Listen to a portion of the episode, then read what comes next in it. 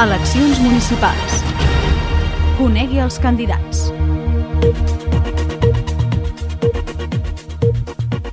Bona tarda, benvinguts al programa Conegui els candidats que Ripollet Ràdio emet amb motiu de les properes eleccions municipals del 22 de maig.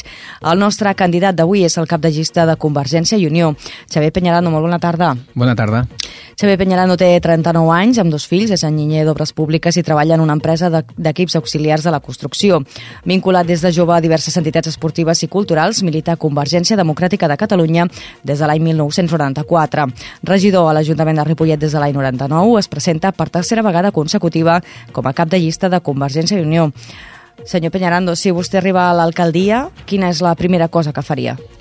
Doncs el primer que faria només arribar a l'alcaldia és, és fer una, una primera reunió amb tots els tècnics de la casa, una primera reunió de presentació i una primera reunió on es voldrien marcar quines són les línies mestres per a aquesta legislatura que la començarem marcar les línies mestres a nivell polític i, com no, també aprofitar per fer un anàlisi amb aquells que coneixen la casa des de la vessant més estrictament tècnica, però que són element fonamental per tirar endavant qualsevol projecte polític, que són els tècnics, els funcionaris, els laborals d'aquest Ajuntament, i per tant crec que és, que és important també saber doncs, quin, és el, quin és el seu parer i que ells sàpiguen de primera mà quin és el projecte i quines són les propostes primordials o principals que a nivell polític es volen tirar endavant. Vostès podríem dir que juguen amb una mica d'avantatge perquè ja es formen part del govern municipal i aquesta realitat una mica la coneixen, no? Bueno, jo crec que juguem amb, amb l'avantatge de que hem estat partíceps de, de l'acció de govern dels últims anys, però conèixer la realitat o conèixer el que és el funcionament de l'Ajuntament, jo crec que qualsevol agrupació, qualsevol formació política que hagi estat tant al govern com a l'oposició, doncs té aquesta, ha, ha tingut aquesta opció. Hi ha d'altres formacions o d'altres regidors, malgrat que estiguen a l'oposició, que també han tingut aquesta, aquesta possibilitat i jo crec que la, la nostra administració, el nostre ajuntament, és un ajuntament molt obert, molt transparent, i on els funcionaris i els treballadors de la casa jo crec que sempre estan predisposats a ajudar tant al govern com a aquells eh, membres de l'oposició que han volgut demanar alguna informació o qualsevol tipus de reunió. Parlant de la realitat de Ripollet, quines creuen que són les principals preocupacions o problemes dels ripolletens actualment? Jo crec que la principal preocupació, la primordial i que tenen tots els ripolletens és la genèrica que tenim tots els catalans i fins i tot que tenen a nivell de l'estat eh, de l'estat espanyol. No? És sense cap mena de dubte la, la crisi econòmica tan important que hi ha i per la gent treballadora, pel ciutadà de peu, aquesta crisi econòmica el que comporta és el tema, el tema de l'atur.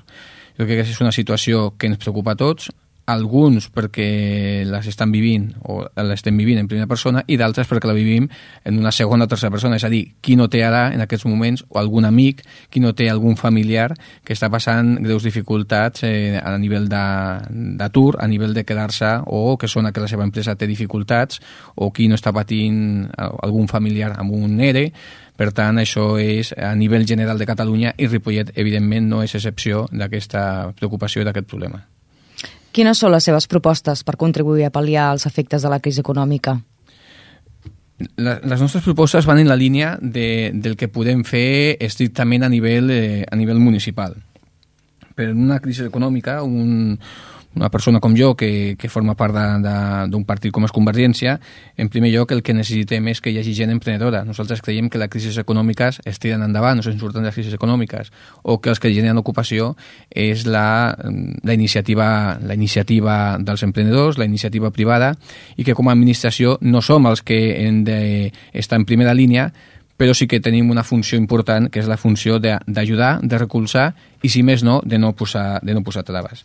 Per tant, a nivell local, quina és la, la vessant que nosaltres podem ajudar? Doncs bàsicament amb el tema de la formació, dintre d'aquesta formació, la formació reglada, la, pròpiament de la formació, la formació dels instituts, d'un de, FP potent, però també eh, la formació que fem a nivell dels plans d'ocupació.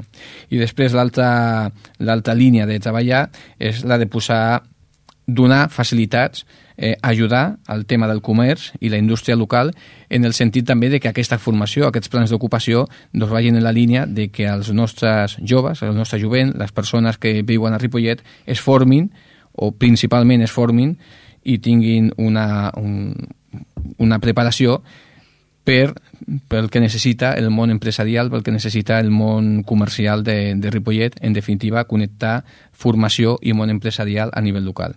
Hem de recordar que Ripollet no és una ciutat, no és una vila de grans empreses, eh, tenim tan sols en aquests moments dues, tres gran, eh, grans empreses en quant a nombre de treballadors, però sí que és cert que tenim gran nombre de tallers, tenim un teixit eh, comercial important i, per tant, és, és important, és fonamental que a nivell local fomentem i ajudem aquest teixit comercial i aquests tallers, aquestes indústries que estan ubicades al, al municipi, doncs que tinguin també doncs, mà d'obra de, de personal eh, local i fomentar que la formació sigui en la línia del que necessiten. Ha parlat de fomentar doncs, aquestes empreses i el comerç local. Pot un ajuntament crear eh, ocupació? Sí, un ajuntament pot eh, crear ocupació, un ajuntament pot incentivar l'ocupació, encara que un ajuntament com l'Ajuntament de Ripollet doncs té limitacions.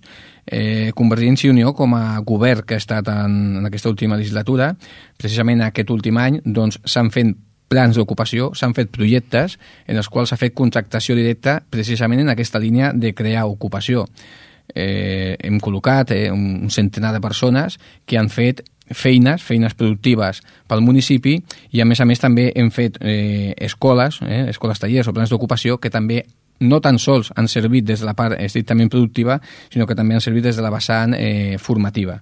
Sí que es pot eh, crear, però també hem de ser conscients de les limitacions que tenim. És un municipi amb els recursos que tenim, amb les limitacions pressupostàries que tenim, i per tant nosaltres el que hem de fer és recolzar perquè es creï ocupació, recolzar les indústries, recolzar els comerços, perquè siguin ells els veritables motors de la creació d'aquesta ocupació. I per quin tipus de comerç aposta Convergència i Unió? Convergència i Unió sempre ha apostat per un comerç de, de proximitat. Recordem que en aquesta última legislatura nosaltres vam presentar una moció com a partit, vam presentar una moció en el ple de l'Ajuntament, una moció que no es va poder tirar endavant perquè no van tenir prou recolzament, perquè aquells partits que votaven en una clau, diguéssim, estatal, o seguint potser instruccions del que és, són els seus partits a nivell de Madrid, no, no ens van recolzar.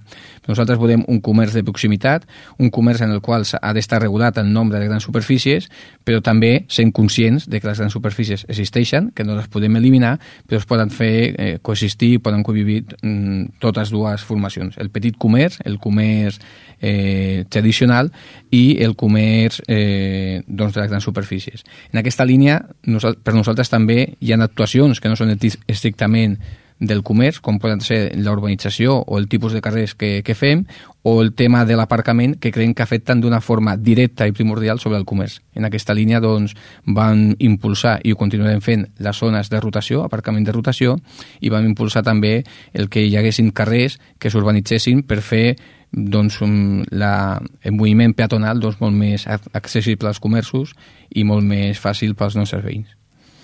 Hem parlat d'economia en quant a ocupació, quan a empreses i quan a comerç. Eh, veu Ripollet atractiu per atreure aquesta economia? Home, Ripollet és un municipi que també s'han creat eh, a nivell de, de, dels últims anys hem creat eh, zones industrials, com pot ser el polígon del Martinet. És un, un municipi atractiu també per la seva ubicació, per les seves connexions, sobretot les connexions eh, viàries, per tant, és un municipi que podem considerar atractiu. És cert que coneixedors també de la realitat de, de l'extensió que tenim i de la tipologia de polígon industrial que tenim, però bueno, dintre de l'àmbit del Vallès Occidental doncs jo crec que aquesta és una comarca prou atractiva i Ripollet forma part d'aquest atractiu del Vallès Occidental. Canviant d'àmbit, eh, entrem en el sanitari, eh, un tema capdalt és l'hospital. Quines són les actuacions que tenen previstes en aquest sentit? Bueno, jo crec que ha quedat prou clar, malgrat que alguns a vegades volen difuminar el nostre missatge o, o quina és la nostra resposta, nosaltres apostem per l'Hospital Ernest Lluc, nosaltres l'hem demanat, som conscients quina ha estat la postura per part del Consell i per part de la Generalitat, en el sentit de que en aquests moments no hi ha calés, però continuem demanant que aquest hospital sigui prioritari. Això significa que volem que es creï o que es generi la partida pressupostària necessària per fer-lo, i si més no, volem que el primer hospital que es faci a Catalunya sigui l'Hospital Ernest Lluc. És a dir, estem en una situació de crisi, la crisi no perdurarà tota la vida i per tant volem que en el moment que, que hi hagi predisposició o que hi hagi calés aquesta sigui la prioritat número 1 a nivell, a nivell sanitari. Des d'aquesta de, vessant de la part sanitària, des de Convergència també hem tingut sempre, jo crec, una especial eh, bueno, una especial cura i també m'agrada sempre recordar que en aquesta legislatura que hem acabat eh, es va fer el cap dels pinatons perquè des de l'Ajuntament es van avançar els calés ja que l'anterior govern del tripartit no podien complir amb els seus compromisos eh, previstos inicialment i des de l'Ajuntament de Ripollet vam decidir Recordem que la Gemma Edo, regidora de, de Convergència, també portava sanitat, encara que això va ser, evidentment, una decisió de tot el govern per part de les dues formacions, Convergència i Unió, i, i el partit també que, que disposava d'alcaldia, doncs vam decidir que era prioritari avançar els calés per tal de que aquest equipament els ripolletens el poguessin gaudir eh, doncs, com molt bé sabeu, des de l'any passat que es va, que es va fer el seu, la seva inauguració. En quant a l'àmbit sanitari, s'ha parlat molt de les retallades de la Generalitat de Catalunya l'actual govern de Convergència i Unió. Què els hi diu vostè a aquelles persones que ho critiquen? Bueno, la política hi ha la política municipal i la política a nivell de país. No? Llavors, la política a nivell de país cada vegada es fa més complexa i aquells que som de, de política, que es dediquen només a la política local, és difícil poder arribar a explicar tot. No? El que sí que és cert és que l'economia i que la política general també estem dins d'una pauta que és la pauta de la Unió Europea, que és cert que a vegades per poder fer quatre passes endavant s'ha de fer una passa, una passa enrere i que potser és millor que tinguem en aquests moments alguna retallada, però que això ens pugui garantir i assegurar que en el nostre futur doncs, les prestacions socials no, no estaran retallades. És cert que ara s'ha retallat les partides o algunes partides a nivell pressupostari, però jo crec que això s'ha de buscar la línia positiva en el sentit de que en el futur puguin estar assegurats els serveis que, que tots els ciutadans eh, necessitem i volem. Seguim parlant de l'àmbit local perquè el que volem realment és fer un repàs del programa electoral de Convergència i Unió a Ripollet. Quines són les seves propostes pel que fa a la mobilitat i al transport a la nostra ciutat? Nosaltres el que pretenem és que el bus, el bus inter, eh, hem de potenciar-lo de forma que diferents nuclis o diferents focus d'atenció, com són els focus sanitaris, els focus eh, culturals i, i esportius, estiguin connectats i, per altra banda, hem d'acabar de connectar eh, aquesta línia, connectar-la o donar-li més freqüència per connectar-la amb la xarxa bàsica en el sentit de la connexió amb els trens, no? la, en aquests moments el tren que tenim, la línia que tenim a, a Rampinyo i la línia que tenim a Cerdanyola. I per altra banda, lligat també amb el tema de la, del transport públic, doncs tenim que com molt bé sabeu, aquí hi ha hagut consens, i jo crec que això és, és quelcom positiu, a nivell de totes les forces polítiques, consens per aconseguir que el transport ferroviari per fi arribi a, a Ripollet. Sembla ser que la prioritat per part de la Generalitat o l'enfocament que s'està donant és que arribi a través del tramvia, però creiem que la connexió del tramvia amb la xarxa bàsica ferroviària, doncs això ens connectarà amb els municipis de la comarca i amb la capital, en Barcelona en aquest cas. Mm -hmm. I en l'àmbit educatiu, què és el que proposa Convergència i Unió? Bueno, en l'àmbit educatiu, com sabeu, a Ripollet s'haurà de construir un nou institut, ja s'ha fet la, la sessió de, de, de la nova escola no? per, per la formació dels nostres escolars i a nivell d'escoles de, bressol doncs eh, hem de ser conscients de la realitat del moment. Ara, en aquests moments hem tingut dificultats per poder fer la tercera, la tercera escola, però aquest era un projecte que Convergència tenia i que no, que no el deixem de banda no ens podem comprometre a fer-lo en el curt termini, però evidentment la legislatura són quatre anys, no s'acaba tot en el 2011 ni en el 2012. La nostra intenció, la nostra idea és continuar fomentant les places d'escoles de, bressol. Quines propostes inclou el seu projecte pel que fa a la cultura, entenent-la en el seu aspecte més extens? Parlem de patrimoni, de memòria històrica, d'entitats... Per nosaltres, per Convergència i Unió, el tema cultural, el tema de patrimoni o el tema de la, del que és la nostra realitat, la nostra història com a municipi, sempre ha estat prioritari. Nosaltres vam treballar fort i, i vam impulsar molt tot el tema del Centre d'Interpretació del Patrimoni i aquest és un equipament que volem continuar fomentant. Volem continuar fomentant i creiem que aquest ha de ser el nucli o l'eix bàsic, bàsic que doni a conèixer tot el que és el nostre patrimoni i el catàleg de, dels llocs, de, el catàleg de patrimoni, perquè Ripollet, malgrat ser una població petita en quant a extensió, és una població mil·lenària i per tant hi ha un patrimoni cultural important i el volem potenciar i el volem donar a conèixer. Pel que fa estrictament a la, a la part d'inversió d'edifici, d'estructura, eh, pretenem fer realitat el que és el casino, la construcció de l'antic casino, que el preveiem com un espai cultural, un espai cultural que donarà eh, prestació a diverses entitats. Eh, havíem pensat sobretot en les... Hi ha una idea, un projecte, sobretot en les, en les entitats, diguéssim, de la dansa, tot el que són el Rupit Sardanista, o diverses entitats culturals, i a part de fer una sala multi, multiusos en, a, en aquest espai, doncs aprofita també per fer petites sales que donaran cobertura a d'altres entitats culturals. De cara als joves, quines són les polítiques que aplicarien? Sí, els joves com a tal eh, creiem també que és, és una part més de la societat i que per tant pateixen les mateixes dificultats o els, mateix benefici, els mateixos beneficis que la societat en general. L'únic és que en, en el cas concret d'ells hi ha dos elements potser que es dificulten, no? que és l'accedir per primera vegada. I per accedir a primera vegada ens referim a dos temes fonamentals. Per una banda està el tema de l'habitatge i per altra banda està tot el tema de, de la feina. No? És, és un, un fet doncs, que, que hi ha una gran dificultat o que és un tema que a part de la dificultat és la preocupació del món, del, del passar del món de la formació al, al món professional. Llavors, eh, de cara als joves, en aquests moments creiem que és primordial tot el tema de la seva formació i és primordial el, la, les ajudes per tal de poder accedir a una vivenda doncs, doncs digna i sobretot amb uns preus accessibles perquè és la gran dificultat. Llavors, en aquesta línia, volem treballar eh, des de dos des de dos enfocaments, una, la vivenda de propietat social, però també fomentar la, la vivenda de lloguer per tal de que puguin accedir aquests joves a la, a la seva primera vivenda. Parlem d'un altre àmbit, com són les polítiques d'igualtat eh, a nivell municipal, que és el tema de dones, immigració. Com entén la seva formació, aquestes polítiques? Jo crec, jo crec que les polítiques d'igualtat les podem... O sigui, hi ha molt a fer, però les podem complicar tant com vulguem, però al final el resum és ben senzill. No? Les polítiques d'igualtat han de ser polítiques basades en mateixes igualtat d'oportunitats, tant de drets com de deures.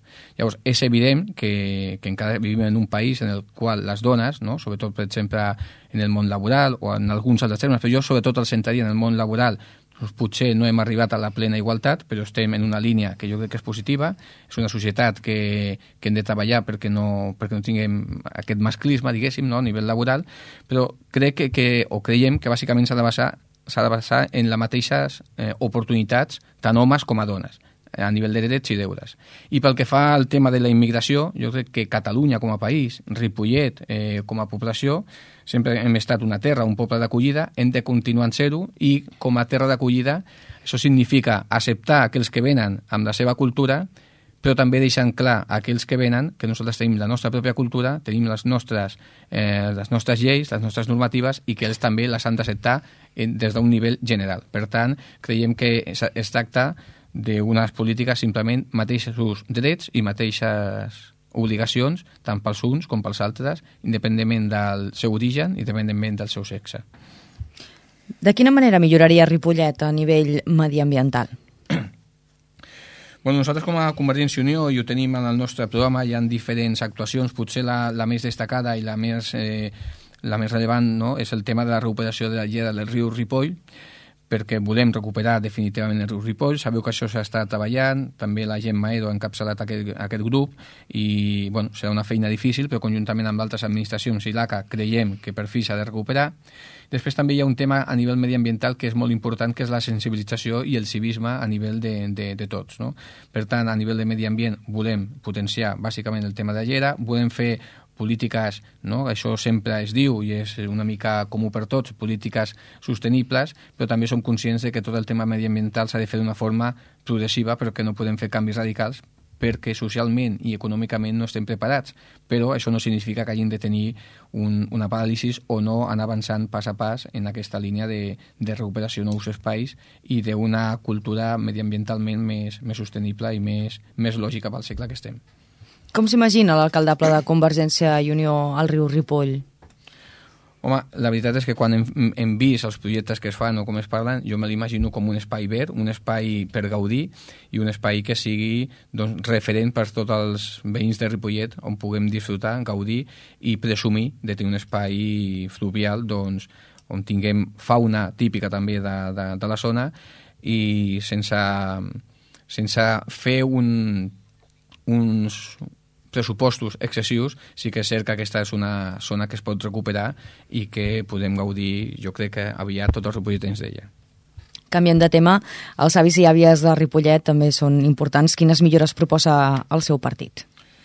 Bueno, jo crec que el pas més important, no? la, la cultura o com està estructurada la societat avui en dia, és imprescindible que aconseguim fer la residència, la residència d'avis i un altre pas que hem d'anar més, més enllà són els pisos tutelats. La realitat d'avui en dia és que els nostres avis volen viure d'una forma independent però també necessiten ajuda el model antic en el qual eh, doncs, tots estaven sota una mateixa casa, avis, pares i nets, doncs aquest model ha canviat. No significa que l'hàgim de rebutjar, no significa que sigui un model totalment eh, inhabilitat, però és cert que necessitem aquesta, aquesta residència i això és una part fonamental.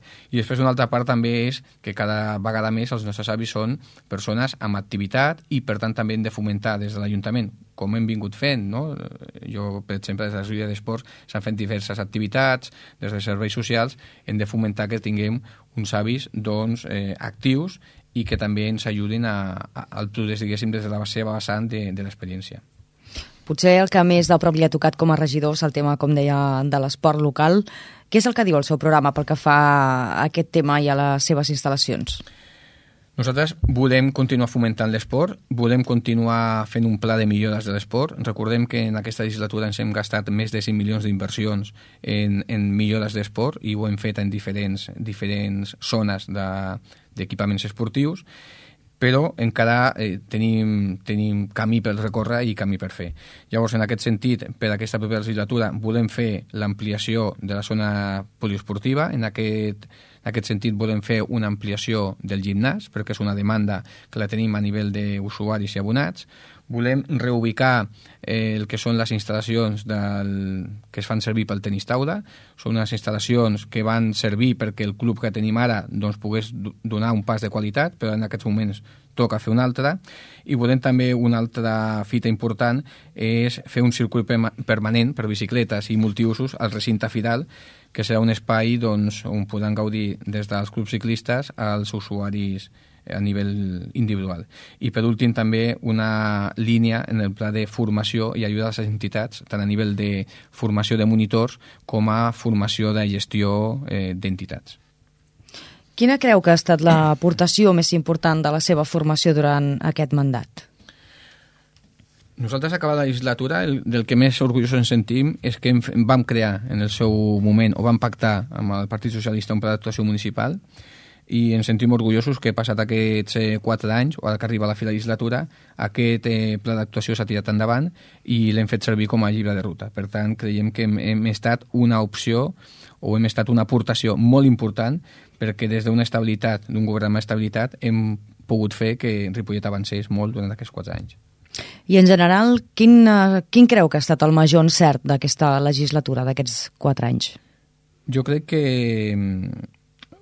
que hi tinguéssim un govern estable i que hem fet una política doncs, molt global. No? Hem fet un govern estable de coalició en el qual no hem governat de forma partidista, sinó que hem, hem governat d'una forma totalment global i les actuacions han estat múltiples i en moltes àrees. El major error de la legislatura quin ha estat? Per mi, sense cap mena de dubte, no haver aprofitat els primers anys per aconseguir un consens per a la solució de l'impacte de C58. Jo crec que va haver-hi un moment en el qual podíem haver trobat una solució i la falta de, per part de tots d'arribar al consens ens ha perjudicat molt. Què és el que s'ha quedat amb ganes de fer a l'Ajuntament de Ripollet com a part del govern municipal? Jo diria que m'he quedat amb ganes de fer moltes coses, per això em torno a presentar per aconseguir-les tirar endavant durant aquests propers quatre anys. Jo diria que la vida municipal és una, precisament és això, és una vida i, i com a element viu sempre hi ha coses a fer, sempre hi ha coses a millorar. Jo no voldria destacar perquè a vegades quan dius això sembla que, que vulguis com com que tens una queixa de tu mateix. Jo est estem contents, però també estem contents sense triomfalisme, sempre ho diem. No hem de fer un discurs triomfalista, hem fet moltes coses, ens sentim orgullosos, però encara tenim molt a fer i esperem que en els propers quatre anys demostrar-ho.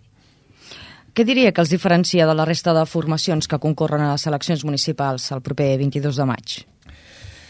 que eh, a vegades parlar de, de diferències no? pot ser una miqueta fins i tot eh, maleducat o agressiu contra la resta de formacions. Per tant, jo no voldria entrar en què ens diferencia, perquè a més a més tampoc ens diferencien, hi ha qüestions que ens podrien tenir certes similituds amb, amb d'altres formacions i bueno, com són diferents punts. Jo potser el que m'agradaria més definir-nos com, com som com som a nivell de Convergència, com som a nivell de Convergència i Unió i sobretot com som o com ens ho plantegem a nivell de Convergència i Unió a nivell, a nivell local, a nivell de Ripollet.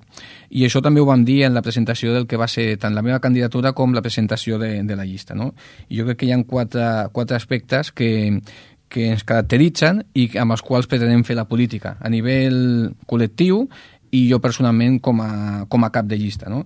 Aquests valors eh, són bàsicament el tema de la, de la fermesa. Defensem sempre eh, el nostre projecte amb fermesa. No ens deixem tirar enrere perquè hi hagin quatre crits o perquè hi hagin quatre propostes, creiem, quatre protestes. Creiem que s'ha de defensar amb fermesa les, les nostres idees Després també el fet de fer-lo amb voluntarisme i d'una forma altruista, buscant simplement la satisfacció de veure que el nostre municipi doncs, millora gràcies a la nostra, a la nostra aportació. Fer-lo també sempre amb molta il·lusió, perquè el que ens mou al final és la il·lusió.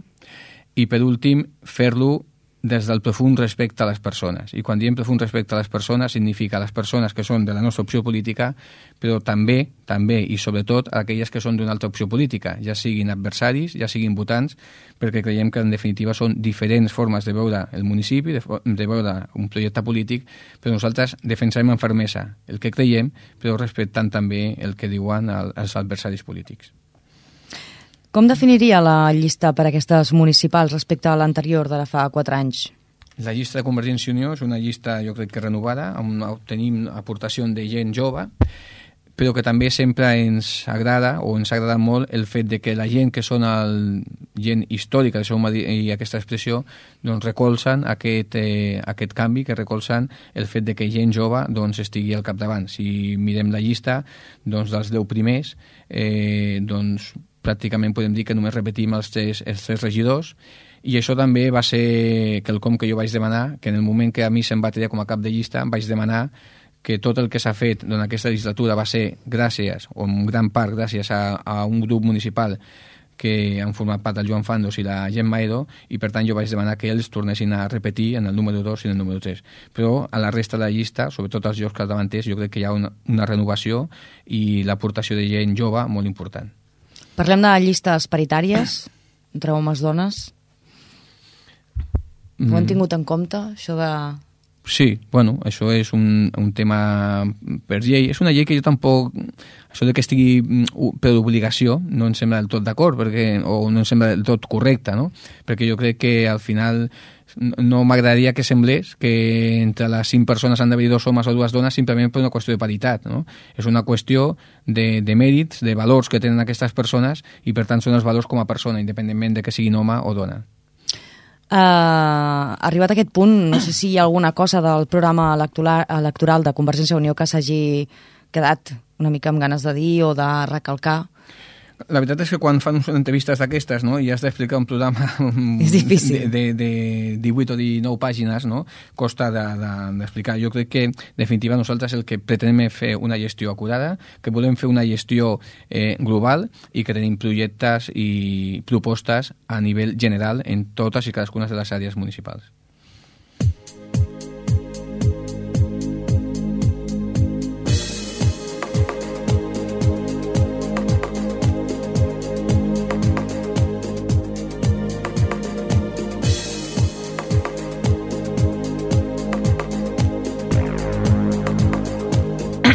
Doncs entrem a la part més personal d'aquesta entrevista amb el candidat de Convergència i Unió, Xavier Peñarando. Expliqui'ns una miqueta com va començar en el món de la política. Doncs jo vaig arribar al món de la política des del món de l'esport. Eh, he estat una persona que he participat en diverses entitats era simpatitzant de, de Convergència, em van demanar de si podia entrar a fer un cop de mà, sobretot en la part més estrictament d'esports, i després per la meva formació, diguéssim, acadèmica, també vaig començar bueno, a engrescar i a participar en d'altres àrees que no eren estrictament l'esport, i bueno, d'aquí van, sense donar-se compte vaig anar fent passos fins que un dia em van proposar per a ser cap de llista. Què podria dir que li ha portat la política en aquests anys? Jo sempre dic que la política m'ha portat el mateix que m'ha portat participar en entitats. És la satisfacció de veure que participes d'un projecte. En el cas de la política, l'avantatge que té és que participes d'una forma molt, molt més global. En una entitat cultural, en una entitat esportiva, participes d'una part del que és la societat municipal. Des de la política pots participar d'una forma activa en totes les àrees i la satisfacció de veure que el poble on vas néixer doncs s'està transformant, està millorant eh, gràcies en part al teu granet de sorra i això és una satisfacció personal molt important. Ha hagut de renunciar a moltes coses per la política? Jo quan es parla de renúncies, la veritat és que no, perquè quan un tria un camí no ho fa renunciant, sinó que ho fa des de l'elecció de que aquell camí és el que creu que és millor i el que més l'agrada quan a vegades et pares i frenes, llavors el que sí que dones compte és que no has renunciat tu, o en aquest cas no he renunciat jo, sinó que han hagut de renunciar els que estan a prop teu, no? Han hagut de renunciar als familiars, en aquest cas ara també molt concretament als meus fills, perquè dedicar-te a, la, a la vida política, i a més a més quan no, quan ho has de compaginar amb la feina, doncs significa el sacrifici de moltes hores fora de casa, significa el sacrifici de molts caps de setmana que els nens voldrien fer un viatge, que els nens voldrien gaudir de la platja i que no ho podem fer. Per tant, és, jo crec que el meu sac, el sacrifici és més dels que estan a prop meu que no el meu personal, perquè, torno a dir, jo faig amb la satisfacció de, de que faig algú que m'agrada.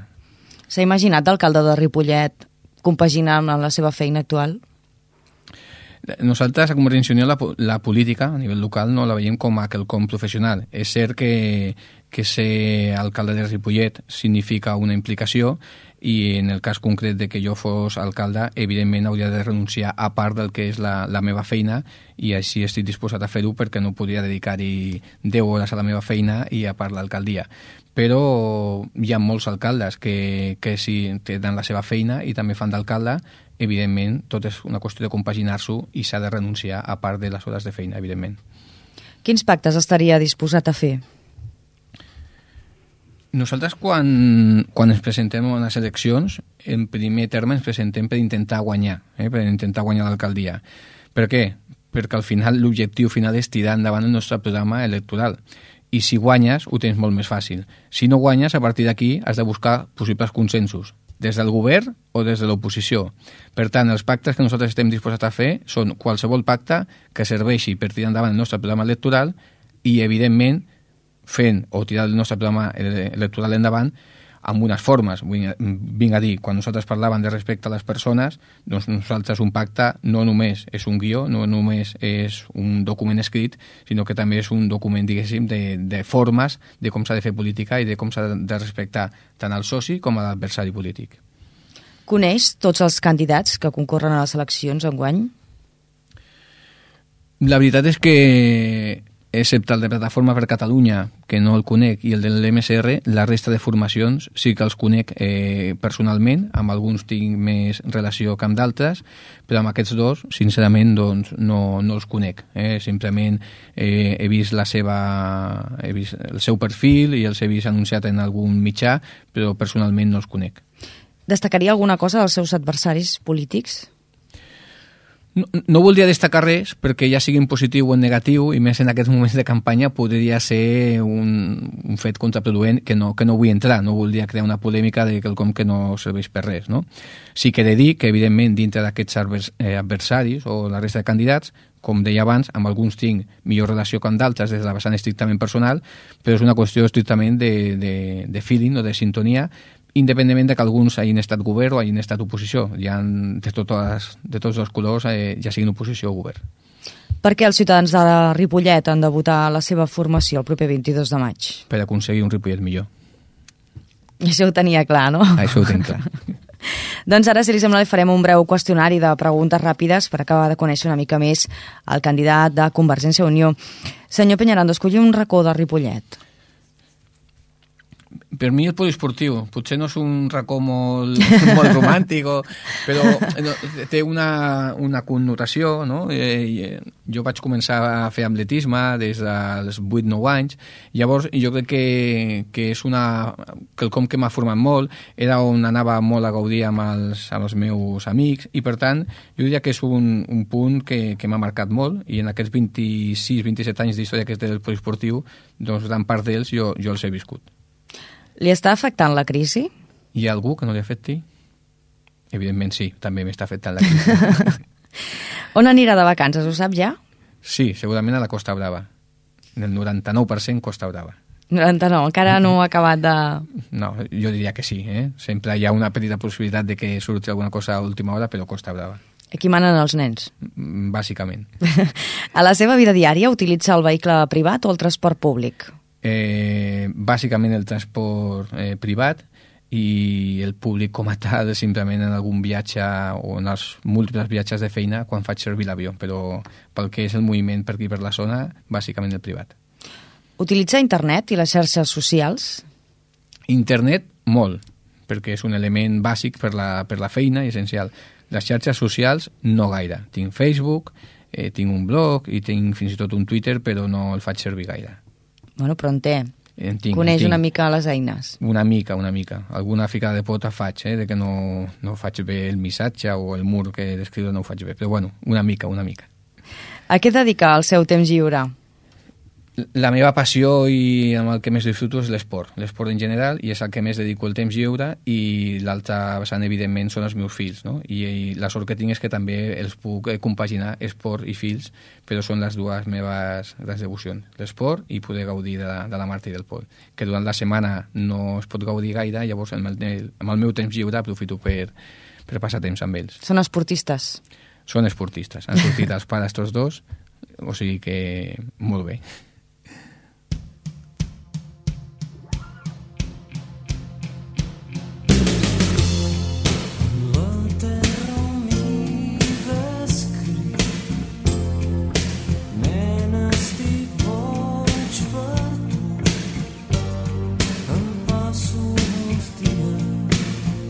Doncs estem escoltant el tema Boig per tu, de Sau, escollit per l'entrevistat. Per què ha escollit aquesta cançó? Bueno, la veritat és que una cançó que, que m'ha agradat... He de dir també, en honor a la veritat, que jo no sóc un gran aficionat a la música. Eh? No, no sóc una persona que es dediqui molt a comprar música o que vagi a concerts. Soc més d'escoltar escoltar ràdio, escoltar música variada. Però aquesta és una, una cançó no? que demostra una miqueta com bueno, aquest boig per tu és com a vegades també veig jo una mica les coses, no? que quan em fico en alguna cosa doncs ho faig amb una certa bogeria. Aquest per tu que pot ser personal també ho, ho faria d'una forma impersonal, eh? no, no tan sols, o no em refereixo estrictament al que és una, la bogeria per una persona. Per tant, és una cançó de la cançó catalana que m'agrada i que la trobo força entretinguda. Tornant a dir que no sóc un gran apassionat de la música. De la ràdio sí, comentava. Sí, quan dic de la ràdio és la música que acostumo a escoltar és a nivell de, de ràdio i diguéssim que un 50% música, un 50% eh, doncs la part de, de, de notícies o magazins. M'agraden moltes vegades, fins i tot per algunes activitats que faig, doncs, com a acompanyament, doncs, o tenir la música o segons en quins moments doncs, escoltar algun tipus de magazín. Doncs amb aquesta música, la de Sau, arribem al final d'aquesta entrevista, tot esperant haver contribuït a que els ciutadans coneguin una mica millor Convergència i Unió, així com les seves propostes i la persona que encapçala aquesta opció. Xavier Peñarando, gràcies per haver-nos acompanyat avui. Molt bona tarda. Moltes gràcies a vosaltres. Bona tarda.